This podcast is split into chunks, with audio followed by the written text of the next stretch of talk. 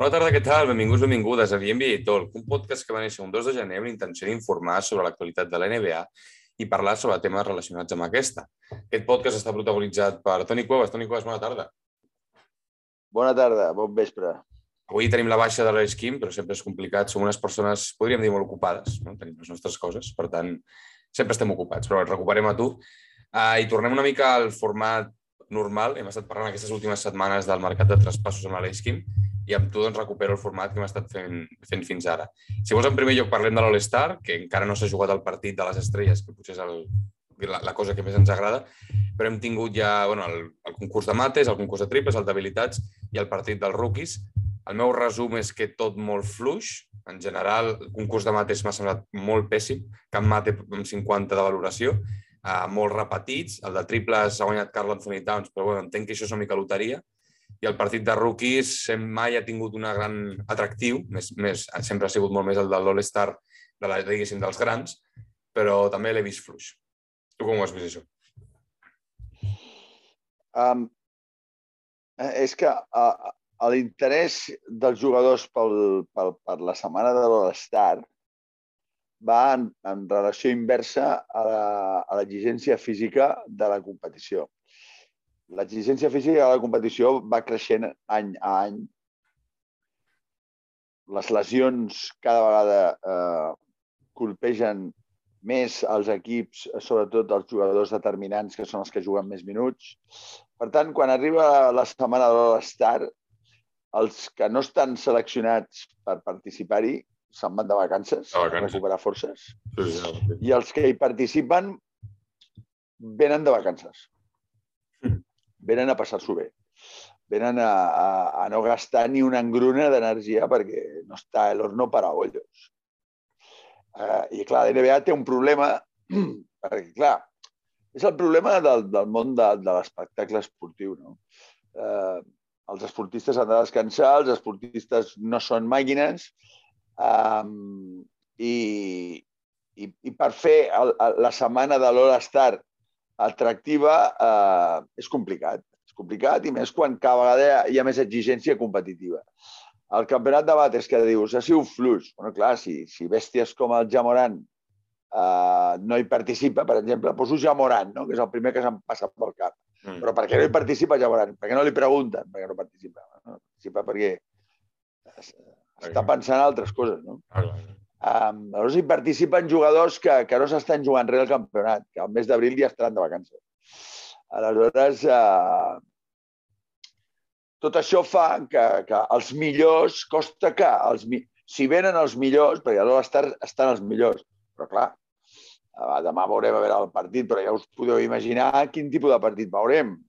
Passa que, que són ells, clar, són els millors. Ens agrada. Uh, clar, uh, a mi m'agrada veure a Stephen Curry quan agafa una raqueta de tenis i juga a tenis. Vull dir, um, aleshores, bé, jo ja, ja saps que no sóc molt fan d'aquesta setmana, per tot això, no?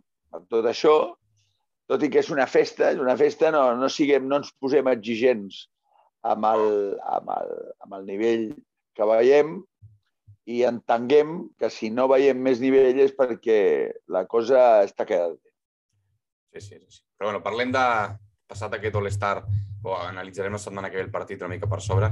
Segueixo parlant de números, de jugadors, i és, eh, començo amb la sensació de temporada de Mar de Rosen, primer jugador de la història de la NBA en firmar més de 35 punts amb un 50% en tirs de camp en 7 partits seguits. És algo històric, però vull destacar, això ho vaig estar parlant amb tu, el tema de que Demar Rose em va fotre en 35 punts i va guanyar partits ell sol, i tot això Zach Lavin sempre que s'estigui tocant el nas, perquè hi ha, part, hi ha partits que fot 20 punts, però em podria fotre 40 perfectament, sense adonar-se'n. Per tant, imagina't aquest nivell de Rosen combinat amb el de Lavin en uns play-off on la cosa ja és hora de los valientes. Per tant, Chicago, ojo amb Chicago, quan els dos, les dues estrelles diguin que Però, és d'activar-se. Sí, aquí està, aquí està el repte, aquí està el repte. Els hem de veure els dos. A més a més, Ara que els has anomenat, són dos jugadors que, que no tenen el doctorat en playoff. O sigui, la, la sensació és que Zach Lavin va, té molta, moltes bales en la recàmera, no? I, però això ho veurem al playoff. el playoff s'ha de guanyar i el playoff eh, Sac Lavin i, i Mar de, de Mar Rosen, no són ells, però principalment ells, uh, són els que han de fer que Chicago arribi el més lluny possible. I el més lluny possible per Chicago no és res més que guanyar l'anell. Sí, sí. L'equip que tenen aquesta temporada és així. I ara que has parlat del tema de playoff, podem garantitzar que la vida de playoff de Damian Lillard s'ha acabat, perquè el mateix Damian Lillard ha dit que vol quedar-se a la franquícia de Portland. Ha fet un... ha comparegut a la premsa amb un comunicat molt, molt passional, molt dient que és molt patriòtic en Portland, vol seguir en Portland i vol formar un equip campió, que em sembla bé, crec que és una opció de vida vàlida per tothom, però clar, fer-ho això amb 32 anys que té Damian Lillard, amb Fernie Simons, que és jove, i amb McCollum traspassat, i Portland, a més a més, no és Los Angeles. Per tant, veig molt complicat que un jugador all-star de primera divisió se'n vagi amb Damian Lillard a intentar guanyar l'anell.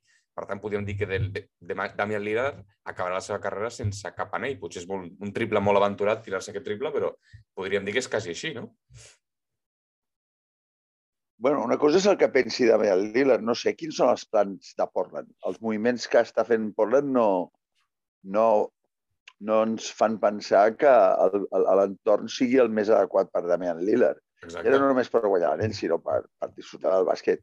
Ah, estan, en, uh, no sé, jo no, no... Al final, a la NBA, mmm, bueno, si el club no et vol, mmm, bueno, tu tens contracte. A la NBA el que et garantitzen, i que no és poc, és que tu cobraràs el que, el que està signat amb aquell contracte sigui mm. molt, sigui poc, sigui el que sigui. Que ja està bé. Llavors, jo no veig, jo no veig a Damian Lillard uh, seguint a Portland amb aquest tipus d'equip que estan fent, però... Ell ho ha dit, no sé. ha comparegut i ha dit que es vol quedar, que està molt content i que vol construir. Sí, bueno, però igual Portland no vol que es quedi, no sé. A veure, uh, Seria un altre no sé, no sé. O, sí, o, o Portland està dient no, no et farem marxar, o sigui, no et direm que marxis, però et muntarem un equip al costat tan horrorós per tu perquè marxis. Uh, que, que, que seràs tu, finalment, que diràs que marxes. Sí, també és una opció, és una opció de vida, no dic que no. Bueno, per tant, és que l'Amiel Lillard, si vol aconseguir alguna cosa, com deia, ha de moure's, no? perquè Portland no es menjarà un torrat. I més amb l'edat que té, 32 anys, com deia. Però bueno, veurem, veurem com va aquest estiu, quins moments fan Portland. També una notícia, diria, de les més impactants que hem tingut en les últimes setmanes, és el tema que LeBron James ha agafat i ha dit davant de tota la NBA que l'equip que draftegi el seu fill, Bronny James Jr., serà l'equip on ell anirà a parar. Última temporada entenc que jugarà, o les últimes dues o tres, i que si el drafteja Detroit s'anirà a Detroit, si és Oklahoma s'anirà a Oklahoma. Per tant, un missatge doncs, molt contundent, no? evidentment. Clar, és que tu també heu parlat d'això moltes vegades, eh, la decadència de l'Ebron eh, podem dient que algun dia ha d'arribar, però és que no arriba. L'Ebron està, està fotent més punts avui que fa tres temporades. L'Ebron no, no fotia 28 punts com a 3 per, per, per partit des de la temporada 2010. Per tant, no sé quin, a quin punt l'Ebron pot jugar i si s'ha de jugar amb el seu fill, doncs ens ho passarem la mar de bé. O sigui, l'aportació de l'Ebron on te vagi serà immediata, sigui Detroit, sigui Nova York o sigui uh, el Barça de bàsquet. De tota manera, Àlex, aquesta, si, la notícia que acabes de dir, que és, és bueno, déu-n'hi-do, eh? Déu nhi déu per t'ho deia. No havia sentit mai un, un, un jugador di, dient uh, això, no? no et pensis que li fa massa favor al seu fill, eh? No? No, perquè al final no ets... El fill del Lebron és, és, és Brownie. És, no és, el, el, ell, és, ell és Brownie uh, James, no el fill de LeBron James. Aleshores, yeah. Un dels problemes que tenen els fills d'aquestes figures és que no es treuen l'estigma de, del pare o de la mare, en aquest cas del pare, Uh, tal. Aquest noi ha de fer la seva carrera i el Lebron no, no, no el pot... Si, si Lebron va... Si Lebron fa això, està tapant en son fill. Estan fitxant en son fill perquè vagi, vagi son pare. Això no... Sí. Tampoc... No et pensis que, que, que, que li, fa, li fa un flaco favor, com es diu. O és pan para hoy, hambre para mañana. Um, a mi no m'agrada aquesta, aquesta línia. El Lebron té que fer la seva carrera i el, el Brownie ha de tenir la seva, uh, la que sigui, perquè és igual. Si, si, si al final no vals, no vals, encara que hagis estat dos anys amb ton pare perquè ton pare t'ha fet fitxar per Detroit. No? I després, quan marxi ton pare, et fotran fora. Eh, Si no vals, no vals. La pista dicta sentència. Ja pot ser el fill de l'Ebron com el... Sí, potser tindrà alguna oportunitat més que altres no tindran, però al final la pista no, no perdona. Sí, sí, bueno, sí que sí, l'Ebron té molt de poder, per tant... Aquella... I no és com, perdona, perdona, no és com un entrenador o un assistant coach que el poden enxufar. Sí. Perquè els entrenadors depenen molt dels jugadors. Un mal entrenador pot ser campió de la, de la NBA amb un bon equip. Mm. Un mal jugador no pot jugar a la NBA. Bueno, veurem, veurem com, com es desenvolupa això les següents temporades. I ara que tens el tema LeBron, me'n vaig als Lakers, també, temporada molt, molt xunga, el que queda Eh, Anthony Davis va tenir una caiguda espantosa el dimecres, o dimarts, la nit de dimarts a dimecres, a esguins de turmell, un turmell, bueno, les imatges ho van dir tot. A més a més, l'Ebron també ha dit als mitjans que té el genoll malament, que des de fa bueno, setmanes no, no juga al 100% i que aquesta temporada no podrà acabar-la, doncs això, al 100%.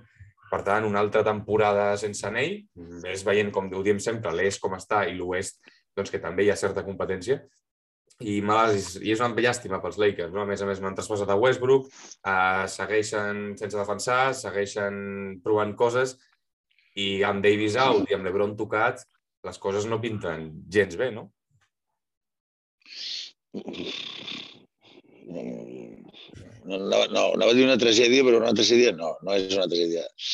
Un, un, un desgavell, una, una suma de desgavells, eh, mala sort, perquè que es lesioni l'Anthony Davis és mala sort. Segona vegada, eh, a més a més, aquesta temporada. L'Anthony Davis eh, és el, eh, era el jugador que havia de, de, de liderar a l'equip en fase regular. No, no ha estat així en cap moment, per un motiu o un altre. El, el, el Russell Westbrook és un jugador que no, no hi ha manera que, que, que encaixi al lloc. Aleshores, les notícies dels Lakers sembla mentida que sempre acabin sent dolentes. I aquesta temporada doncs, sembla ser que bones no podran ser. Um, Fixem-nos en uns altres equips. Oblidem-nos dels Lakers.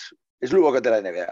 Sí, estic d'acord. Que és un jardí amb moltes roses, amb moltes flors diferents, tulipans, clavells. Aleshores, els amants dels Lakers que mirin a un altre equip com per exemple pot ser Indiana Pacers. Vaig estar veient la setmana passada jugar als Pacers, molt bé Tyrese Halliburton, líder absolut dins la pista. El veig un salt endavant de respecte a Sacramento, tot i això ha dit que ho trobarà molt a falta Sacramento i que ell pensava que es quedaria a Sacramento, però és lo que hay, no? com es diria, és lo que hay. Però bueno, m'alegro que Indiana estigui jugant així de bé i potser és la nova estrella franquícia, entre moltes cometes, d'Indiana, perquè déu nhi aquest jugador té, té molta gràcia, té desparpajo, és bona bàsquet. Sí, els de Sacramento, els fans de Sacramento, l'esquim al capdavant, encara s'estan donant cops de pedra al cap per, per, per, per, per, per com et pots desprendre de, de, de, d'Iris Halliburton. No? Um, bé, Indiana, ja vaig comentar al seu moment que veia millor el, el, el moviment per, per Indiana que per, per Sacramento, però bueno, eh, els, els resultats diran si és, si és així o no. Uh, de moment, Indiana ha guanyat frescor, ha guanyat uh, amb, amb alegria, no? Perquè una de les característiques d'Indiana que comentàvem és que era un equip soso, equip que no despertava cap tipus de gràcia. No? Comandant, comandant pel, pel, pel Marcos, el, el, el Brogdon. No? Aquest, Brogdon, aquest, el soso Brogdon. És, és sossot, aquest nano, i, i Indiana era tot a su sota, no? el mateix Sabonis, un jugador que no està malament, però no, no, mm, no fa res molt bé. No, sí, no, no destaca molt amb, amb cap actitud, activitat del joc. Pot anotar, però no és un gran anotador. Defensant, intimida, però és poc intimidador. No, no és el dels millors intimidadors. Rebotejant, reboteja els rebots que li venen sol. Sí. Eh, el tir exterior del... És un jugador molt, molt, molt... No, que, que pots prescindir d'ell, no? i de fet han prescintit d'ell. Bé, um, els amants dels Lakers que mirin Memphis, per exemple, que mirin, per exemple. Que mirin a, a, a, a, a la colla de Jamoran i sus muchachos. O, bueno, que mirin, hi ha algú de l'oest, a l'oest està més xunga la cosa, eh, perquè tothom està amb, amb, amb pedres a la sabata. Eh, els Clippers que no sé com han guanyat tants partits, molt de mèrit té el, el resultat dels Clippers, els resultats dels Clippers. Exacte. Perquè diem que els Lakers han tingut mala sort amb les lesions, però és que els Clippers, els, les dues superestrelles de Clippers, ja no me'n recordo l'últim dia que va jugar eh, el meu estimat Kawhi Leonard. Junts, Però junts a sobre. i estan, han estat tot el, quasi tot el temps per sobre de les Lakers. Mhm. I a sobre després amb el Paul George lesionat també. Vull dir.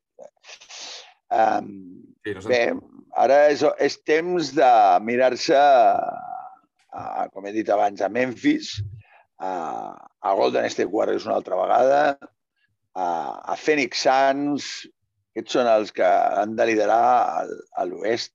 A veure Denver com, com subsisteix, que també està subsistint amb molta dignitat perquè estan amb el gran Nikola Jokic, amb l'absència tan, tan, també tan, el Murray, tan destacada de Jamal Murray, no? sobretot, i, i del, i Michael del Porter, Porter Jr. Porter Jr. Aleshores, bé, mirem, mirem altres equips, els, eh, pot, fer més gràcia un equip que un altre, però la NBA no, no, no siguem tribuneros europeus i a la NBA ens hem d'anar... Tenim, la NBA té una, un- una de les virtuts és que et pots enamorar del primer equip que passi per davant teu a la primera. Sí, sí, sí. I també un equip que has, els has mencionat a tots, menys el que jo volia parlar ara, que és el partit del jugador d'Indiana, que són els Minnesota Timberwolves. Eh, diré tres coses. Quatre. Anthony Edwards, 20 anys. Això és molt fort i crec que no n'hem parlat lo suficient. Uh, Malik Beasley, 25. DeAngelo Russell, 25. Carl Anthony Towns, 26. Ojo, Minnesota, els propers anys, crec que serà l'equip revelació que ningú està parlant. Ara mateix estan bueno, doncs déu-n'hi-do, ben consolidats a la, a la conferència oest, van setents, i ojo, em reitero, vaig veure Anthony Edwards molt, molt sobrat jugant contra Indiana i contra molts equips aquesta temporada, tira, reboteja, fot esmaixades de l'hòstia. Carl Anthony Towns ja sabem el que fa, un tio solvent, i d'Angelo Russell, que sembla ser que allà on va, en aquest cas a Minnesota, la herba eh, no, no ha deixat de créixer, potser s'ha congelat perquè Minnesota fa fred, però molt bé Minnesota, eh? Sí, tens raó que no, no, ens oblidem amb freqüència de Minnesota perquè és un nom que, que no et ve a la boca. Mm. Però tens tota la raó. Minnesota fa goig, Minnesota fa patxoca Sí, sí, sí. i, i a part d'aquest dels, dels Beasley, Anthony Towns, uh, d'Angelo Russell, que ja tenen edat per començar a treure, el, per, per, per fotre soroll als playoffs, clar, ha aparegut aquesta bèstia part de, de, de l'Anthony Edwards, que és un autèntic eh, Una màquina, eh? xorro de, de, de moltes coses, de talent físic, de talent tècnic, de, de, de capacitat, d'instint, perquè l'instint també és molt important, això no s'ensenya. L'instint per competir, per jugar a bàsquet i per competir amb el bàsquet.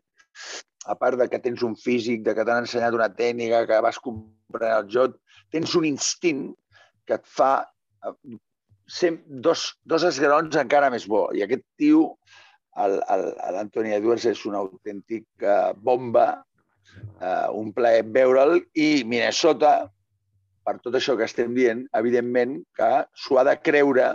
Aquest és un repte que també tenen eh, tots plegats, que s'ho creguin, perquè venen de temporades molt fosques. El passat recent és molt fosc. Aleshores, això a vegades el, ho tens impregnat a la pell. S'han de treure aquest passat recent de, de sobre i, i donar-se compte que són molt bons, inclús més del que es creuen, Sí, sí, clar. i que poden guanyar qualsevol. No, no, serà, dic, jo crec que serà l'equip a parlar els propers, els propers anys. Però parlem també de l'actualitat. A Milwaukee ha fet dos fitxatges, doncs jo crec que molt interessants. Han, bueno, van patir la baixa, malauradament, de Pat Conaton. No recordo si ara esquins a la mà o al peu. Estarà fora 12 setmanes, més o menys. Una llàstima, un jugador que està jugant molt bé. Però a canvi han fitxat a dos, a un Pencon, i estan propers a fitxar un tio que sap de què va la història. Fitxen a DeAndre Bembry, jugador que ve de Brooklyn, un jugador, bueno, un 4-3, ti- tira més o menys bé de 3, fot 4 hòsties, agafa 3 rebots, i també estan a punt, són els candidats, eh, diguéssim, principals a fitxar Goran Dragic. Un Goran Dragic que no ha jugat a Toronto aquesta temporada, que en Miami va ser, bueno, diguéssim, quasi l'estrella i junt amb Jimmy Butler al, a la burbuja d'Orlando. I, bueno, molts bons dos reforços, com el d'Ibaka, que van aconseguir el trade deadline, i, bueno, crec que són uns fitxatges que per playoff, sobretot, eh, el de Dragic encara més, pot ajudar, poden ajudar molt, no? Sí, l'avantatge és que són fitxatges complementaris, perquè l'estructura està clara. La, la, les vigues mestres de, de, de Milwaukee estan sòlides, si no es lesiona ningú, Ah, i estan clares. I aquests són fitxatges que tenen que complementar, tenen que donar alguna coseta en algun moment puntual. Són fitxatges de qualitat, sobretot el Goran Dragic. Goran Dragic. El, el, el Dragic és un jugador que pot oferir 15 minuts de molta qualitat mm. en playoff playoff. i